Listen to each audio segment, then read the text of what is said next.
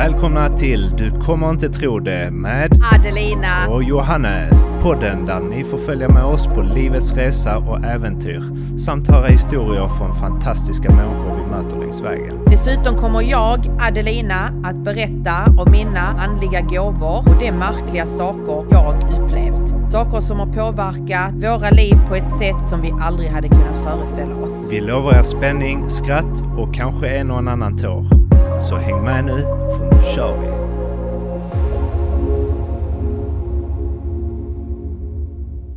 Ja, men då säger vi välkomna till dagens avsnitt som är fortsättningen på Svart magi. Del två. Välkomna. Vi vill gärna att ni bombar oss med eh, era upplevelser och vad ni tycker om avsnittet. Yes. För oss var det ju ett sjukt laddat avsnitt. Eh, Jag kan avslöja att det tog ungefär tre och en halv timme att spela in. Vi bröt sju gånger eh, exakt. Jag gjorde armhävningar, sov, eh, duschade. Jag kommer inte ihåg allt, men det tog sjukt lång tid att spela in. Men det är nog för att vi aldrig har pratat om det med varandra. Ja, lite så. Face to face. Vi har pratat om det med alla andra ihop. Och sen är det när man, eh, när man pratar om det, då, då blir det ju plötsligt levande igen.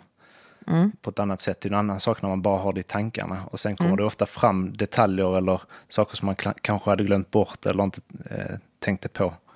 Eller inte kände på ju- samma sätt. Ja, och det är många som har hört av sig och frågat varför jag inte har typ hyrt in någon och få bort din, ditt ex. Ehm, jag jobbar inte riktigt så. Jag tror på karma. Och när karman slår till, she's fucking dead. It's gonna be a bad day. Ja, nej. Jag bara väntar, jag ler, eh, tänker att eh, den karman kommer snart komma. Eh, och den är nog inte från mig, utan den är nog från alla andra också. Eh, jag är glad att vi har tagit oss igenom det och det vi ska fortsätta med att prata i detta avsnittet, det är faktiskt ryggen. Där vi berättade om att eh, polisen faktiskt körde in i mig. Och eh, efter att jag fick Alicia så hade vi ju ett helvete. Där eh, jag tror det var fyra timmar efter förlossningen så kände jag inte mina ben. Vi skulle ha 500 besökare på BB. Och vi tänkte inte så mycket på det utan vi trodde ju att det var från förlossningen.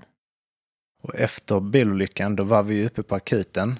Men då kunde de inte undersöka dig för att du var gravid. Kommer du ihåg det? Så de kunde inte röntga och så här. Nej. Eh, Och vi fick ju inte den undersökning som du kanske hade behövt. Vi skickade in till försäkringsbolaget. Men eh, jag minns inte riktigt om det var på grund av att det inte fanns en utredning då som styrkte det. Då kunde, de, eh, då kunde inte vi bevisa att man kunde koppla till den här skadan som du fick då efter förlossningen till bilolyckan. Eh, Så då fick vi ingen ersättning för det heller. Så det blev ju lite så här snopet. Eh, Du, du hade det redan tufft efter graviditeten plus att din rygg fuckade upp. Vi fick ingen ersättning för det.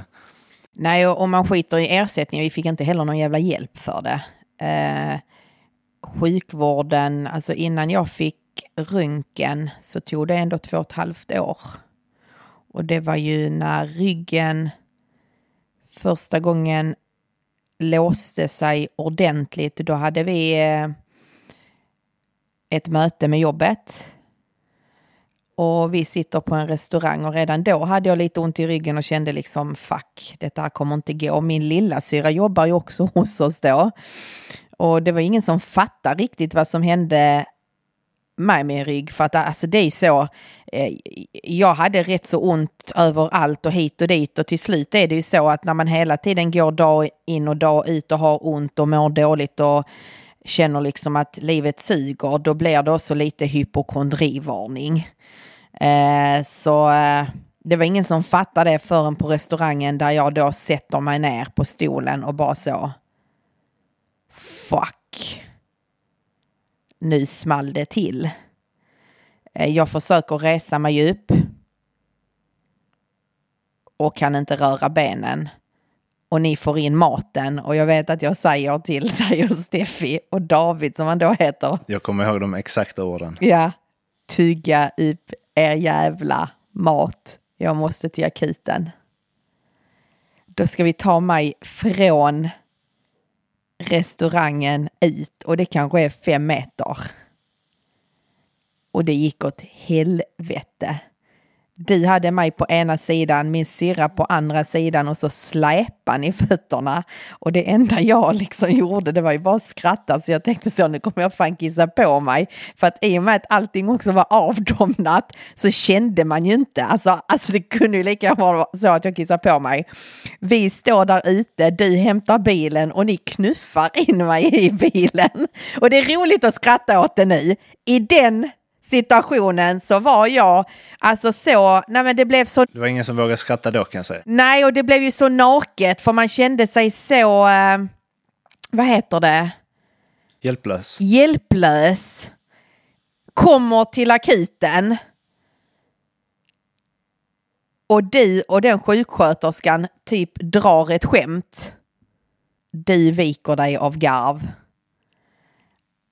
Och jag bara skrattar och känner inte att jag kissar på mig på sjukhuset. Och det är ju så, det är ju nerver, det är ju allting som är kaos. Så man känner, alltså jag kände ju ingenting.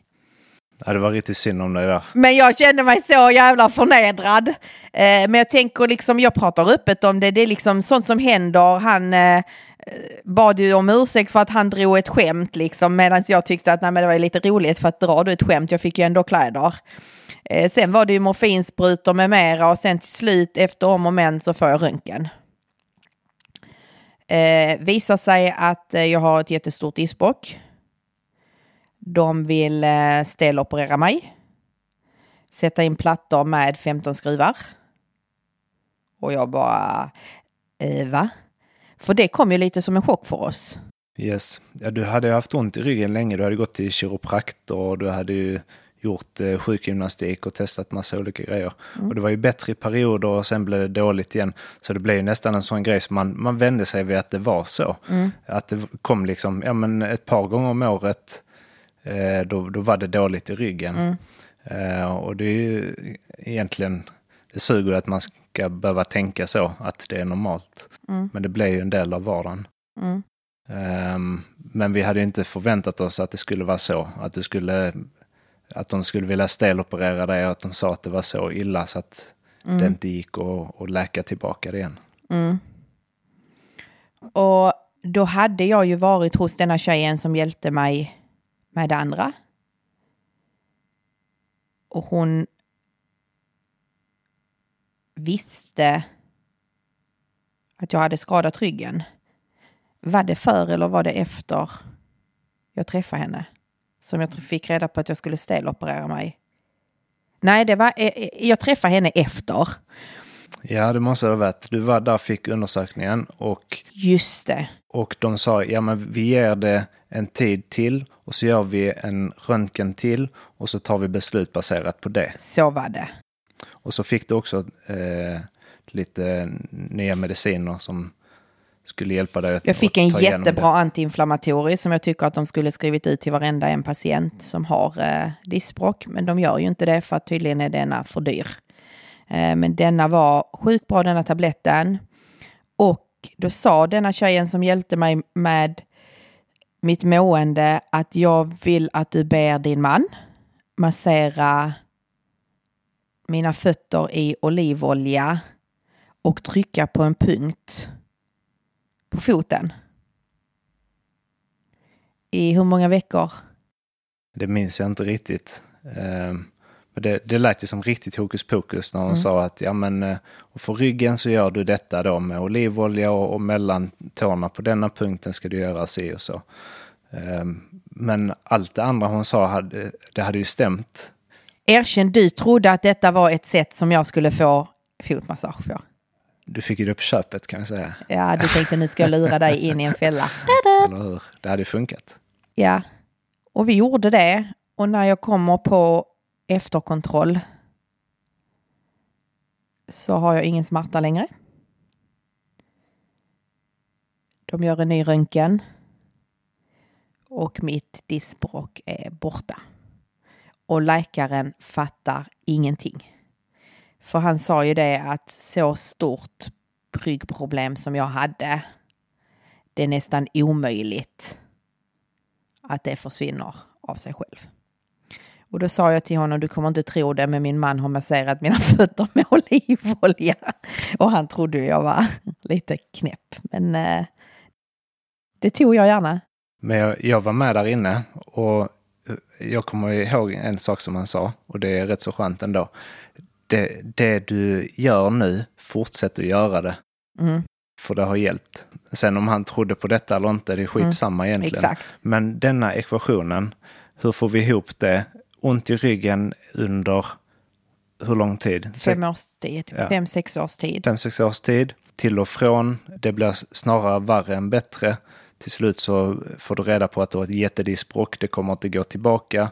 De ser hur omfattande det är, men troligtvis operation. Och sen nästa gång vi kommer dit så är det borta. Mm. Och det enda som du har gjort, visst du har käkat antiinflammatoriskt, men det tar inte bort ett diskbråck. Och du har eh, masserat din vänstra fot mellan tårna. Nej, det är skitoverkligt och det är liksom... Eh, det är nog svårt för folk att ta in detta. Men då tänker jag så här, då detta avsnittet kommer nog vara svårt för er att ta in överlag, för det är det ju för oss också. Och jag har ju berättat att jag känner grejer. Så ni kommer ju förstå sammanhanget med att jag tror ju på det som har hänt med ryggen. Jag tror absolut att det var hon som har varit med och hjälpt till. Eh, det är absolut hon som har hjälpt mig ur min depression som de kallar det i Sverige, men jag anser att det är svart magi. Att någon har gjort det på mig. Och det är ju för att det händer så overkliga grejer. Och just nu är vi extremt medvetna. Innan har vi inte varit medvetna om det. Till exempel vissa gånger så har jag sån ångest där jag inte vet vad jag ska ta vägen. Um, och då får jag panik så jag ringer ju runt bland mina närmaste och kollar läget med dem. För att jag, när jag får denna känsla, jag ska inte säga att det är ångest för att jag har fattat att det är ett tecken jag får för att lära mig att hjälpa andra när dåliga saker händer. Men jag har inte kommit så långt i min utveckling än. Så det, det du känner egentligen, det, det är mest att det blir jobbigt, att du mår dåligt över det. Du kan inte riktigt kanalisera vad som är fel och det gör ju att du får lite panik och börjar leta efter ja. vad det är egentligen. Det är därför jag ringer runt. Och ett exempel var ju att, jag kommer inte nämna några namn, men vi har, vi har haft två sådana här stora incidenter. Och en incident var ju faktiskt i våras är det va? Um, I vintras kom du och sa hej, kolla här, jag har en knöl på mitt ögonlock. Och då sa jag ju direkt till dig, jag vill att du går till läkaren för att jag eh, tror att du har en tumör. Jag vill inte säga att jag vet att du har en tumör. Jag tror att du har en tumör i ögat. Och du bara ha ha ha hej då knäppjök. Och vi har ju liksom ändå, fast jag har varit seriös i det, så har det ändå varit lite skämt om det också. Och nu visar det sig att eh, det var en tumör efter om och men. Och inom en vecka fick du tid i Spanien. Den dagen du har operationstid, hela den helgen var ju vi nojiga. Jag hade en obehaglig känsla. Och jag kunde inte förklara varför jag mådde som jag mådde och du frågar mig många gånger i, på helgen, är du nervös för operationen? Och då sa jag ju, nej det är jag inte. Men jag kunde ändå inte sätta fingret på vad det var. Och dagen kom där du skulle opereras, din moster kommer Och då tar de barnen och jag vet att jag lägger mig på golvet på alla fyra och skriker. Något dåligt håller på att hända. Något dåligt händer. Det är någon som håller på att gå bort. I samma veva vet vi att en familjemedlem till dig, eh, hennes syster, ligger och ska opereras eller vara sjuk eller någonting. Så jag trodde att det handlade om henne. Och då var jag ju extremt nojig för jag visste att den, om, om hon skulle gjort operationen så visste jag att hon kanske inte överlever av operationen. Det var ju det som gick i mitt huvud för att jag, jag var så bombsäker att det var det, den personen det handlade om. Jag ringde till mina syrror och sådana grejer och kollade läget även där. Eh, du opereras och jag säger jag har ingen dålig känsla till din operation men jag, du opereras, jag sitter och pratar med två av dina killkompisar och de stöttar mig i mina känslor. Vilket jag tackar grabbar, ni vet vilka ni är. Och jag, jag kan fortfarande inte liksom så, du är på sjukhuset, du opereras, du skickar ett sms, ja du liksom är på uppvaket typ, du är snart klar. Och denna känslan blir mer och mer. Då får jag ett sms av en kompis som säger Hej, hur gick Johannes operation? Och då skrev jag att operationen har gått bra. Och, när jag, och så skriver jag hur mår ni? Frågetecken. Direkt när jag skickar meddelandet så blir jag, alltså mina ben. Jag vet inte hur jag ska säga det, jag blir inte knäsvag. Det är som att någon drar en matta och jag trillar. Så känns det. Det känns som att hela min kropp trillar. Får ett sms av henne. Och då säger hon att deras son har varit med om en bilolycka. Och vad tänkte du då? Hur, hur kände du då? Na, I samma veva som hon säger det så kan jag andas. Så fort hon sa det då fattade jag, okej, okay, mina känslor handlar om dem.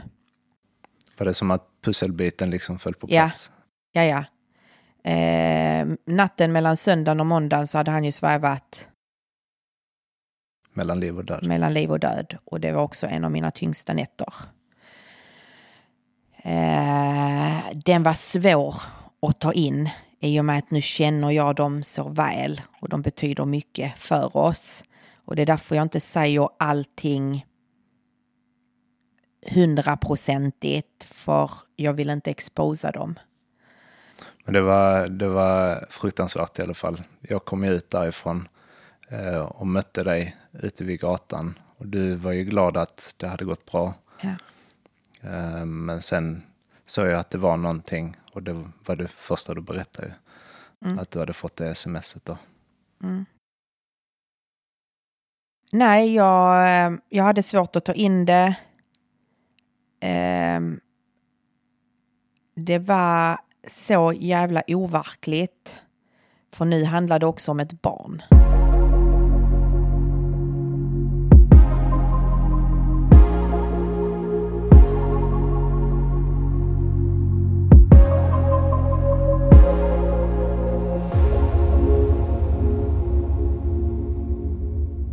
En annan grej som var helt sjuk också och som jag är tacksam över nu i efterhand. Att du fick de tecknena och att jag ändå valde att lyssna. Det var ju den gången vi skulle åka till Sverige. Mm. Vill du berätta? Ja, men eh, det var ju också där en helg. Vi hade flygbiljett på fredagen veckan efter. Och jag bara... Alltså panik jag har en sån jävla panik lördagen och bara så, hej ska vi inte åka tidigare, ska vi inte åka tidigare och du bara, hej då knäppjök. Vad fan då, vi ska inte åka till Sverige tidigare, vi har annat att göra. Jag bara så, nej men vi måste åka eh, tidigare. Och jag kommer ihåg att eh, vi hade ju planerat alltihop. Vi skulle åka typ på fredagen. Mm. Det här var söndagen. Du hade hållit på i två dagar, gå runt och vara eh, irriterad och man märkte att någonting var fel. Eh, och sen på söndagen sa du, ja men vi måste åka till Sverige. Bara, ja, vi ska åka på fredag, allting är planerat. Eh, vi kommer att göra de här grejerna så här och så här och så här. Mm. Eh, och i veckan så har barnen skola och vi ska få detta gjort och så. Men du vägrar ju lyssna på det, utan du sa att Nej, men vi, vi måste åka nu. Mm. Eh, så efter vi hade diskuterat det fram och tillbaka så satte jag mig och bokade flygbiljetter till dagen efter. Och vi sitter på flyget. Och jag är rastlös. Jag bara shit. Det är någonting och jag kan inte, jag kan inte placera det. Vi landar. Jag sätter på telefonen och får ett sms. Och det står det, bara så ni vet, Johannes farmor har vak och det är nog sista chansen att träffa henne. Och Johannes pappa är där, så se om ni kan få möjlighet att åka dit. Mm. Och vi åkte ju direkt hem till din syrra. Lämna barnen. Lämna kidsen där. De fick eh, käk halv elva på kvällen. Vi skulle egentligen åka dit och äta middag mm. tror jag. Så som tur var så hade vi det bokat. Vi kunde lämna barnen där, åkte ut till farmor och det var väl en timme bort ungefär. Mm. Och som tur var så hann vi fram i tid. Hon var inte vid medvetande på det sättet. Det kändes som att hon eh, visste att vi var där. Så vi hann ju ta ett sista farväl. Mm. Och vi fick chansen att få det ögonblicket. Mm. Och det är jag sjukt tacksam för. Mm. Det ska man inte ta för givet. Mm. Men så var det ju också lite med din mormor. Jag vet inte om du har reflekterat till det. Då fick vi ett besked att hon är jättedålig. Och vi kommer in dit. Och jag tittar på dig och säger du, eh, du måste stanna för hon kommer gå bort i natt. Och det är så stort så jag, alltså, du kan ju inte ta jag, in jag det. kan ju tappa andan liksom när jag tänker på det. Mm. Men jag, jag vet, när gick hon bort? Eh, året efter din pappa. Mm, men vilken tid? Hon gick bort vid tre på natten. Ja, för det är också helt sjukt. För i mitt huvud så gick det två, tre, två, tre, två, tre. Mm. Så jag visste ju att hon kommer somna in. Men jag kunde ju inte heller säga hej, hon kommer dö. Så jag gjorde ju det ändå på ett ödmjukt sätt. Även när jag pratade med dina mostrar. Speciellt den yngsta mostern. Då var jag ju ödmjuk och sa nej men ni får nog se till att komma för att jag tror inte det är långt kvar.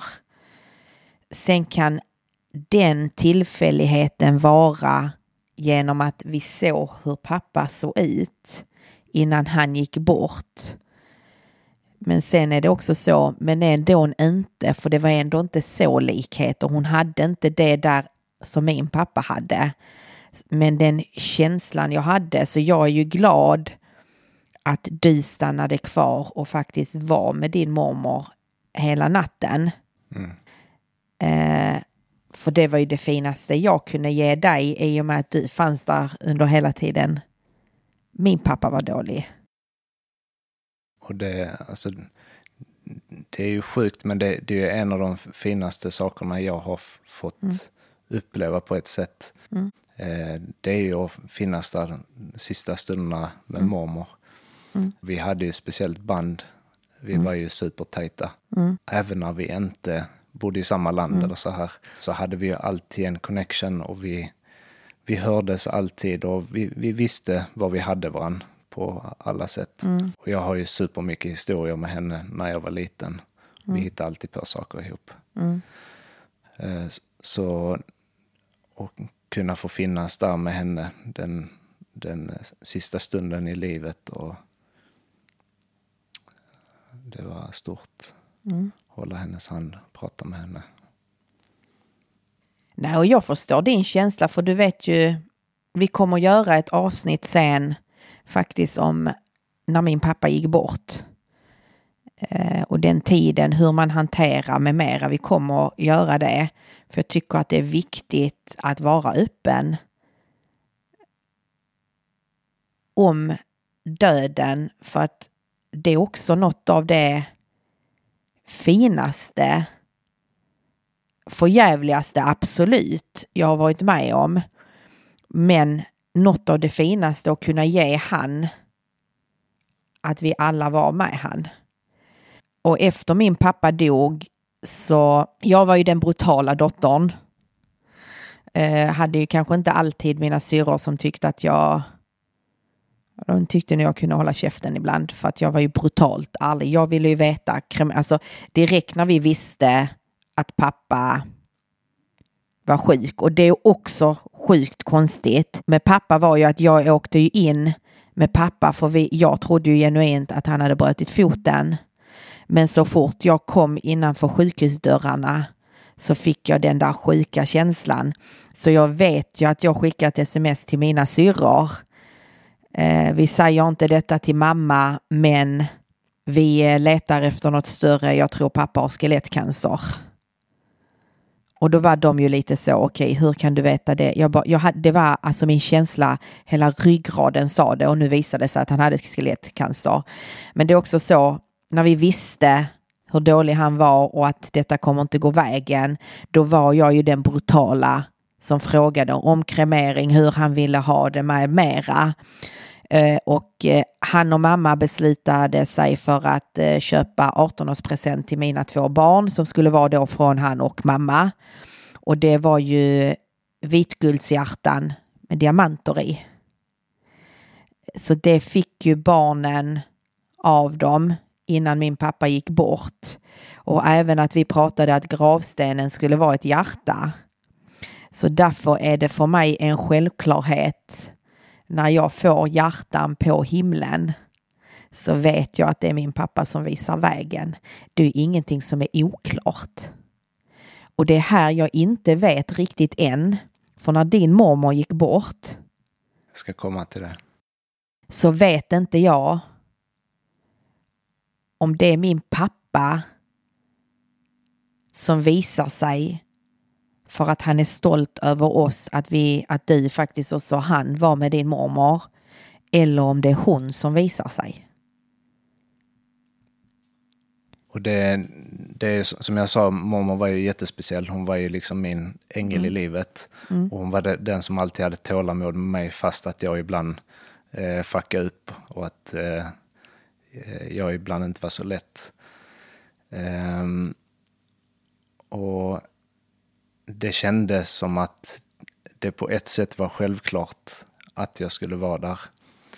Eh, men man ska inte ta saker för givet såklart. Mm. och när jag hade varit där den natten då, hon gick ju bort eh, vid halv tre-tiden tror mm. jag. först så satt jag och pratade med henne i en timme, först innan jag kallade på personalen. Mm. så att jag fick sagt det jag behövde. Mm. Eh, och så att jag fick ett, ett eh, farväl med henne. Mm. Och sen när de hade kommit dit och vi hade gjort henne fin och satt en blomma så här så åkte jag ju hem och hämtade dig. Mm. Och fick byta om och duscha. Mm. Och sen kom ju nästa svåra sak. Och det var ju att vi skulle åka till morfar och berätta för honom att mormor hade gått bort. Mm. Och det är också någonting så jag önskade att jag bara kunde säga till han att din fru kommer att gå bort i natt. Jag önskade jag kunde säga till din mamma, för jag tror inte hon var heller medveten om det. Eller så var det så stort för din mamma så hon hade svårt att ta in det. Det var det, det, var det nog för alla, alla. egentligen. Men i och med att vi hade gått igenom det med min pappa, så vi, vi var ju så dränerade redan så att detta skulle också hända. Det var ju bara så, ja men nu kör vi. För det är något jag inte vet om han skulle velat vara med eller inte. Din morfar. Mm. Men jag vet i alla fall att han är ju så glad och det är ju också resten av familjen att du var där. Mm. Så det Och- fanns ju en mening. För morfars del så tror jag att han har sagt allt han Tror jag också. hade att säga. Eh, Mm. Och de, de var ju så fina. Mm. De har ju bott ihop större delen av livet och Mm. han har ju tagit hand om henne eh, de sista tolv åren av hennes liv när hon Mm. var sjuk. Eh, så jag, jag tror att han var redo, om man säger så, om man nu kan vara det. Mm. Eh, men i vilket fall så fick vi ju då äran Mm. Ja, det var det Fast att det är jobbigt så är det ändå äran att åka ut till honom. Och vi körde dit med en blomma och vi berättade då att, att eh, mamma har gått bort. Men på vägen dit, och det, alltså det är helt sjukt, eh, då kör vi eh, förbi Viken. Vi kör från Helsingborg till Höganäs. Vi kör förbi Viken som är en liten by. Och himlen är helt knallblå. Det är en sån jättefin himmel. Det är alldeles stilla på havet. Och vi sitter tysta i bilen. Och precis i mitten av vindrutan på bilen, om ni tänker er, eh, framför vägen, så är det ett stort vitt hjärta. Ett eh, moln, alltså format som ett hjärta. Och det går ju inte att missa. Det, nej, alltså det var ing, inga frågetecken och inte så att man kunde föreställa sig att det kunde vara ett hjärta eller att eh, man trodde att det såg ut som ett hjärta. Eh, och vi lyckades ju fota det här också.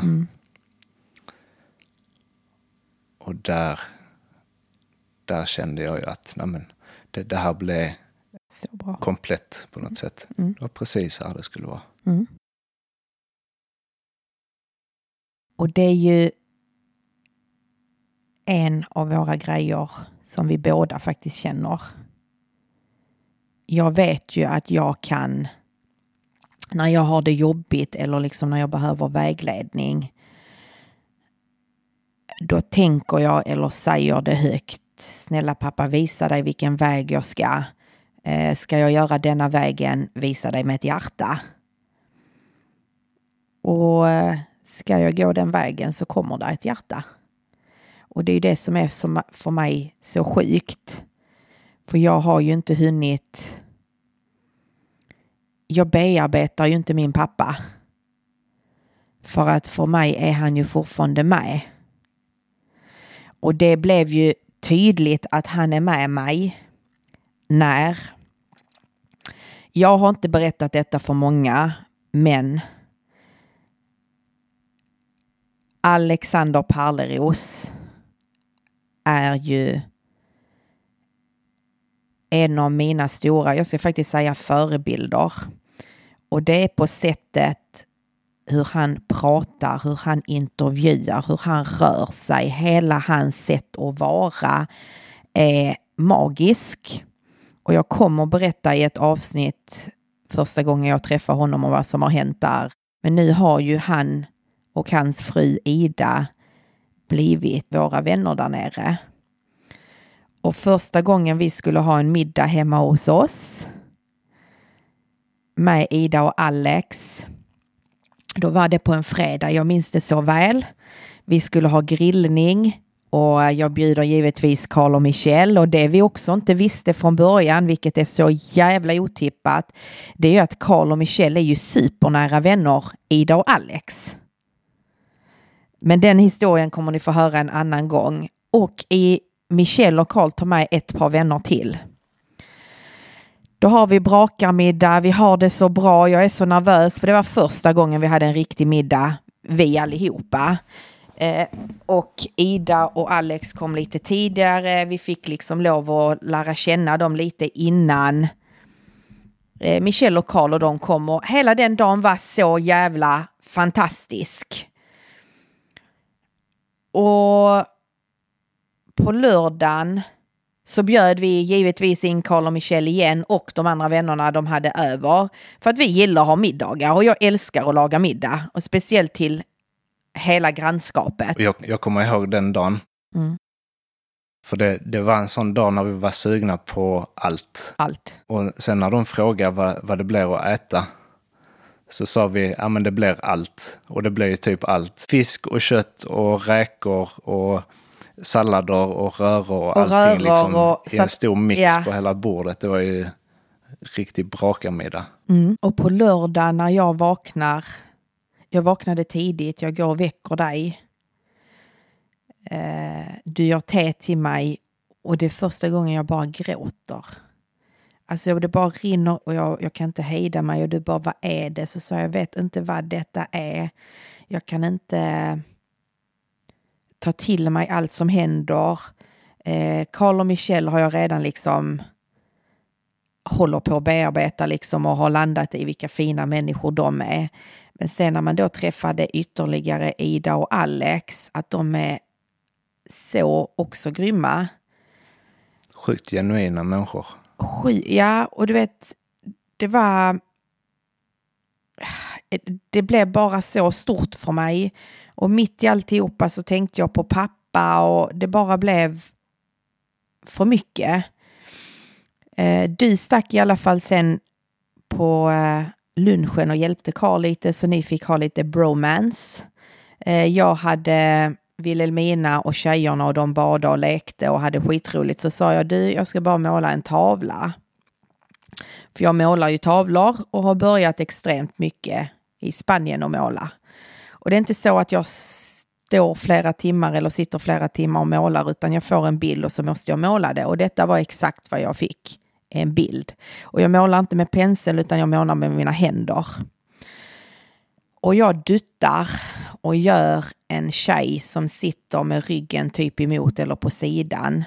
Och jag gör håret och bara duttar håret. Och sen är det inte mer med det. Sen eh, lämnar jag den för tork. Vi förbereder för middagen. Och vi har sjukt roligt och vi pratar och mitt i alltihopa så säger Michelle. Men kolla! Där är ett ansikte i tavlan! Och alla bara stannar. Bara, vad fan Fast- hände? Vad hände ja? Det var exakt så vi kände. Och mer om det och vad som hände i tavlan och om Linas andra tavlor. Det kommer ni få höra i nästa avsnitt. För nu har vi pladdrat längre än vanligt. Yes. Ha nu en trevlig vecka. Så hörs vi på fredag. Ta hand om er. Puss och kram.